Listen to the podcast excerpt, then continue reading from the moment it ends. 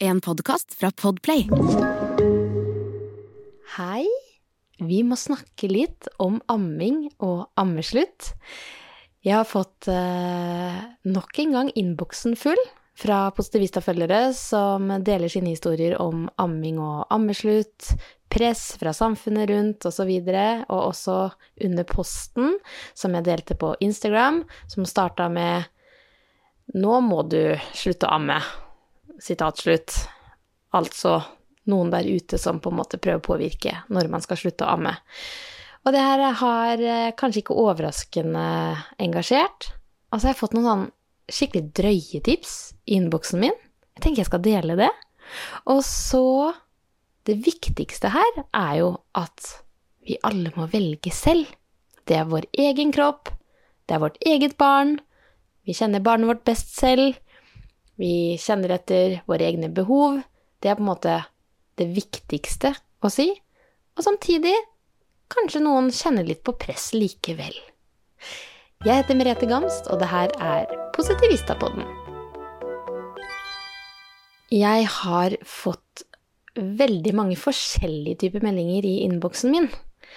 Det er på en måte et litt sånn spekter her. Eh, og vi mødre er nok litt uh, uenig i hva som på en måte er riktig for barna når det kommer til det med amming. Og først vil jeg jo si at jeg føler meg ekstremt takknemlig som har fått lov til å amme begge mine barn. Jeg syns på ekte det er noe av det fineste jeg har opplevd med det å bli mor. Jeg føler at jeg kobler meg på barnet. Jeg er en av de som selv om jeg våkner midt på natta og på en måte det er en unge som krever pat, så blir jeg jo ikke sånn åh, nå må jeg stoppe igjen. Innimellom så blir jeg sånn å, kom her er jenta mi, eh, kos. Det er helt greit. Utfordringen min har jo blitt å skulle fungere i hverdagen ved siden av det å amme om natta. Og med første barn, Amelie, så gikk den avvenninga Det var liksom ikke noe avvenning, det var bare Gikk gradvis over av seg selv. At hun mista stadig, eh, interessen for puppen. Og det bare gikk seg litt sånn til uten at det var noe kamp, det var ikke noe sorg. Det var liksom ok, nå er vi ferdige begge to. Utfordringen min nå er at eh, jeg har en baby som eh, helst ligger på brystet hele tiden. Men det er ikke det at hun sovner ved siden av meg, for det klarer hun ikke. Hun ligger nå i egen seng, men hun på en måte våkner og er urolig, og siden hun ikke tar smokk, er ikke interessert i sutteklut, sånne ting, så har vi ikke noe middel for, liksom, for å roe henne. Og da har jeg opplevd at det å legge henne til brystet er det som funker. Og så har jo det skjedd da plutselig tre til seks ganger i løpet av natta, da. Og nå er hun godt over et år. Og det går på helsa løs. Og jeg kjenner det også da når man skal ja, prestere i jobbsammenheng, og man bare Ok, i natt fikk jeg fire timer søvn. Altså, det kjennes ut som man er skikkelig fyllesyk. Og man prøver jo så godt man kan, og så føler man ikke at man strekker til, og så Da blir det jo også litt sånn når man da ammer på natta, så blir man litt sånn stressa. Bare åh, nå får jeg ikke den søvnen jeg trenger, og jeg skal gjøre dette.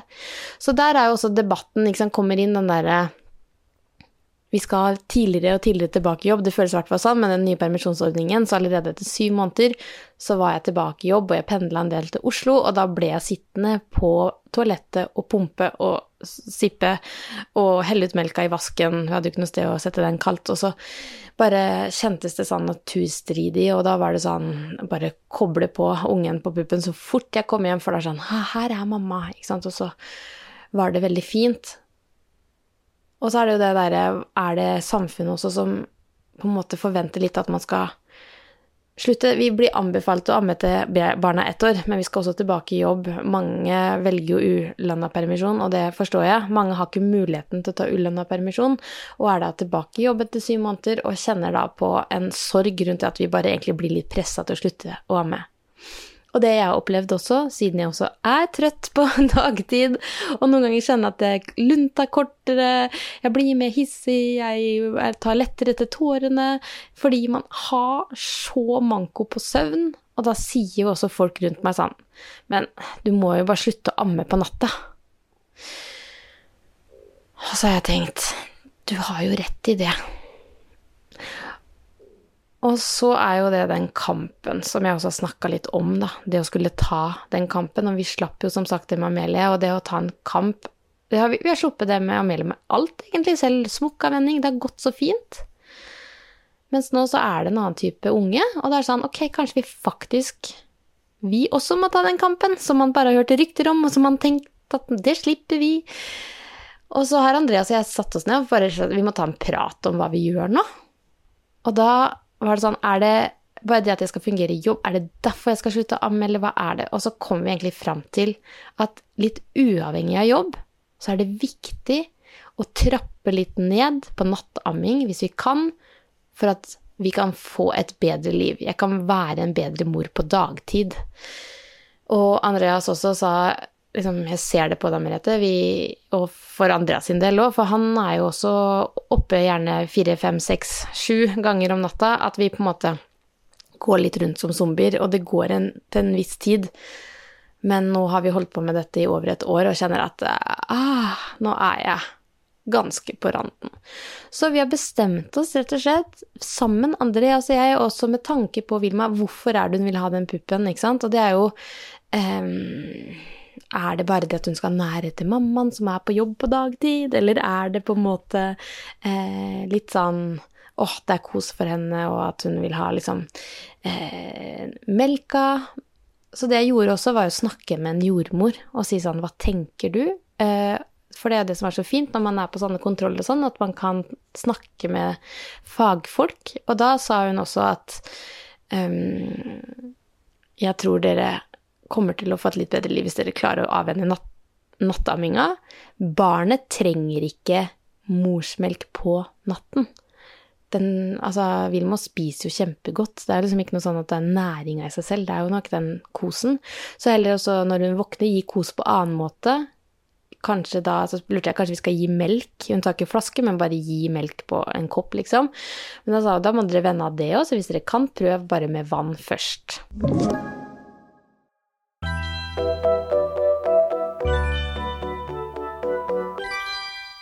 Så det er det vi egentlig står i nå, altså. At vi prøver å vende av den nattammingen. Og når jeg skrev den posten, satt jeg faktisk i senga og skrev om natten når jeg hørte Vilma gråte. For da var det sånn to timer med gråt.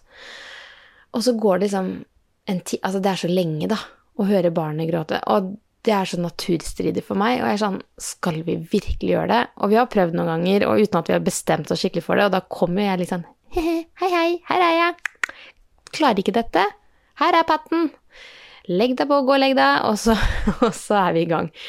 Men det er noe med når vi også har bestemt oss for å prøve å ta det, så ta, virker jo den timen x veldig lenge, men da hadde også Andreas bestemt seg. Han er jo der og gir henne nærhet, og legger henne ned. Og så reiser hun seg opp, og så legger han henne ned, og så eh, gir han henne vann, og så koser med henne. Og så hun er jo der sammen med det andre mennesket som elsker henne like mye som meg.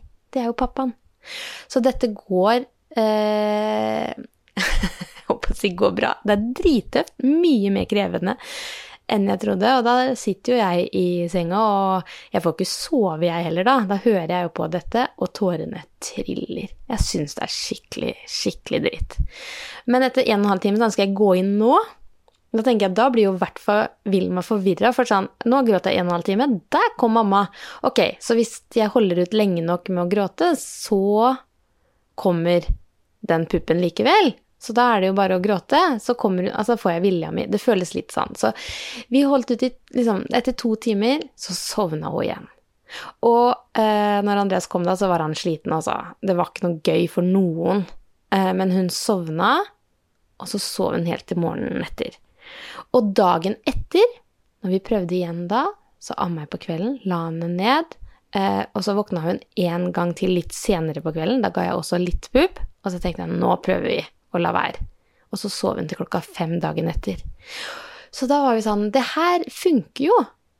Det her er jo håp. Og så blir man alltid redd for med en gang man tenker det, så tenker man å, man må ikke bli eh, tro at dette er den nye normalen, for da går du på en større smell dagen etter. Det er jo veldig kjent stil, det. har vært igjennom det der med den kolikkperioden og hadde håp hver eneste dag og ble like skuffa hver dag i tre måneder omtrent.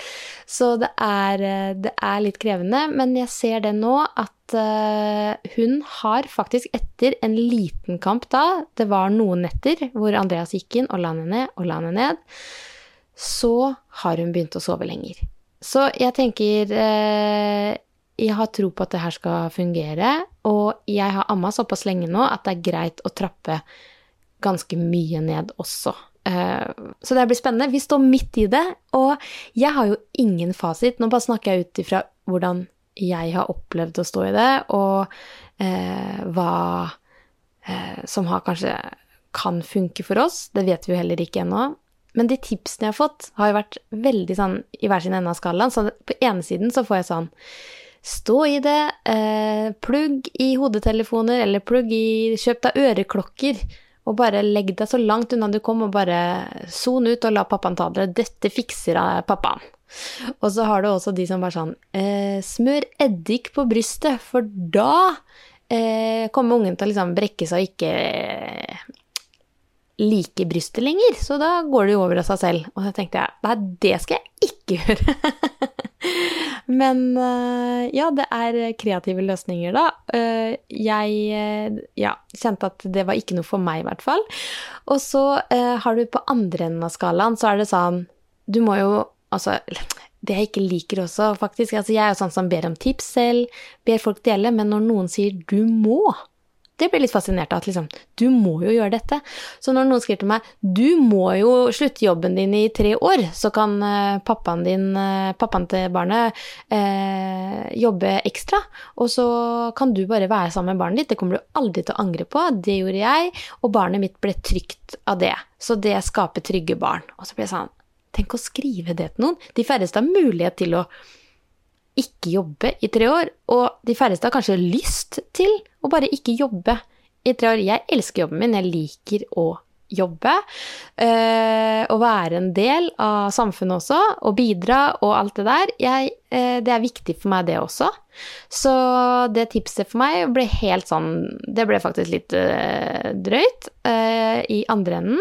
Og så er det jo de fleste som skriver sånn Vet du hva, Merete, det her eh, må dere finne ut av selv, og eh, Eller ikke må, da, men dette finner dere ut av. Ville bare si at jeg vet hva dere står i, og sender deg styrkeklemmer og støtte og alt det der. Og det er så fint. Og så er det jo mange som deler oss erfaringer med å amme lenge, og noen som har amma eh, kort. Alle har forskjellige historier, alle opplever det forskjellig. Så eh, jeg vil også bare si at jeg føler meg ikke pressa av samfunnet eller mine nære til å slutte å amme. Dette er noe Andreas og jeg, og liksom ut ifra vår situasjon og babysen eh, Vi har tatt de vurderingene sammen når vi nå kommer fram til at vi eh, faktisk skal trappe ned litt på den amminga. Og så vil jeg bare si det samme eh, tilbake til dere fantastiske, fine folk som sender så mange koselige hilsener i innboksen min.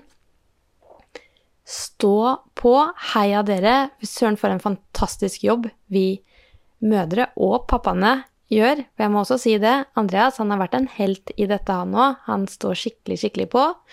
Så lykke, lykke til med det. Og så vil jeg si at jeg gleder meg litt til halloween. Ja, det er en sånn nok en dag som man skal kommersialisere for, jeg, på. Jeg ser at det er eh, nesten 50 og Jeg hadde en sånn spørreundersøkelse på og liker dere halloween, og så var det liksom nesten 50% som var litt sånn tja, eller nei, ikke spesielt. Det jeg liker med det, er at eh, det er nok en litt sånn Jeg liker de høytidene, at det er eh, At vi kan komme sammen og gjøre ting i nabolaget. At vi kan samles og eh, henge ut. Og det er jo sånn når man bor også et annet lite sted, sånn som vi gjør, så blir det en liksom sånn gatefest av det. Og det syns jeg er så koselig. Så det er kanskje akkurat det jeg gleder meg til. Og så gleder jeg meg til en ting til. Gleder meg til å få opp julelysa. I fjor så hadde vi en unge som sagt, som gråt veldig mye. Så jeg klarte ikke å få opp julelysa, klarte ikke å få skikkelig julestemning. Det, for jeg hadde ikke ork og overskudd. Så i år så gleder jeg meg kanskje mer enn noen gang, for nå har jeg to jenter. Og ikke bare en bitte liten babys, men en unge på ett år og fire år, og skal skape julemagi for de. Og det kjenner jeg at jeg gleder meg sånn skikkelig til. Så jeg blir en av de som skal få opp julelysa tidlig i år, og så leste jeg på VG, som hadde linka til en studie, om at eh, de som pynter tidlig, ofte er litt eh, lykkeligere enn de som ikke pynter så veldig. Så husk på det, at det er ingen skam å få opp eh, pynten og gjøre det kos for seg selv, fordi det er tegn på at man har det ok, i hvert fall. og så ønsker jeg deg en fantastisk dag videre. Og husk at det ordner seg.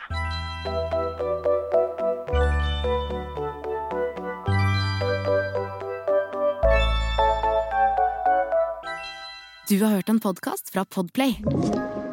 En enklere måte å høre podkast på. Last ned appen Podplay, eller se podplay.no.